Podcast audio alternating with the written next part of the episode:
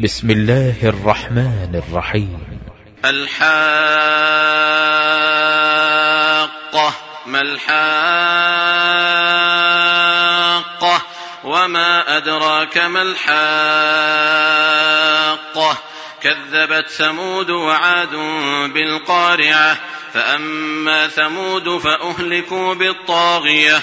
وأما عاد فأهلكوا بريح صرصر عاتية سخرها عليهم سبع ليال وثمانية أيام حسوما فترى القوم فيها صرعى كأنهم أعجاز نخل خاوية فهل ترى لهم من باقية؟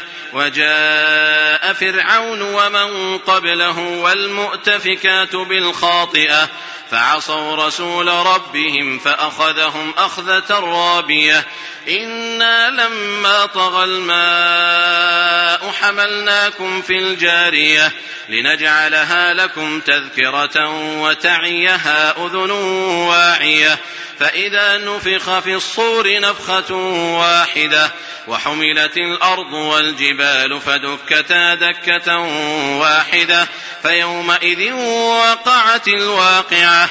وانشقت السماء فهي يومئذ واهية والملك على أرجائها ويحمل عرش ربك فوقهم يومئذ ثمانية يومئذ تعرضون لا تخفى منكم خافية.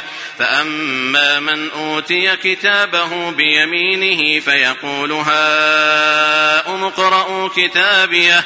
إني ظننت أني ملاق حسابيه. فهو في عيشة راضية في جنة عالية قطوفها دانية. كلوا واشربوا هنيئا بما أسلفتم في الأيام الخالية. وأما من أوتي كتابه بشماله فيقول يا ليتني لم أوت كتابيه ولم أدر ما حسابيه.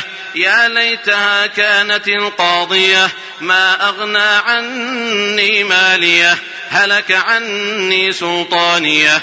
خذوه فغلوه. ثم الجحيم صلوه ثم في سلسلة ذرعها سبعون ذراعا فاسلكوه إنه كان لا يؤمن بالله العظيم ولا يحض على طعام المسكين فليس له اليوم هاهنا حميم ولا طعام إلا من غسلين لا يأكله إلا الخاطئون فلا أقسم بما تبصرون وما لا تبصرون.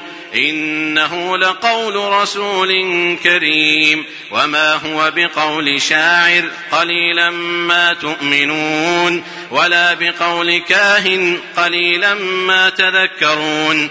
تنزيل من رب العالمين ولو تقول علينا بعض الأقاويل لأخذنا منه باليمين ثم لقطعنا منه الوتين فما منكم من أحد عنه حاجزين وإنه لتذكرة للمتقين وإنا لنعلم أن منكم مكذبين وإنه لحسرة على الكافرين وإنه لحق اليقين فسبح باسم ربك العظيم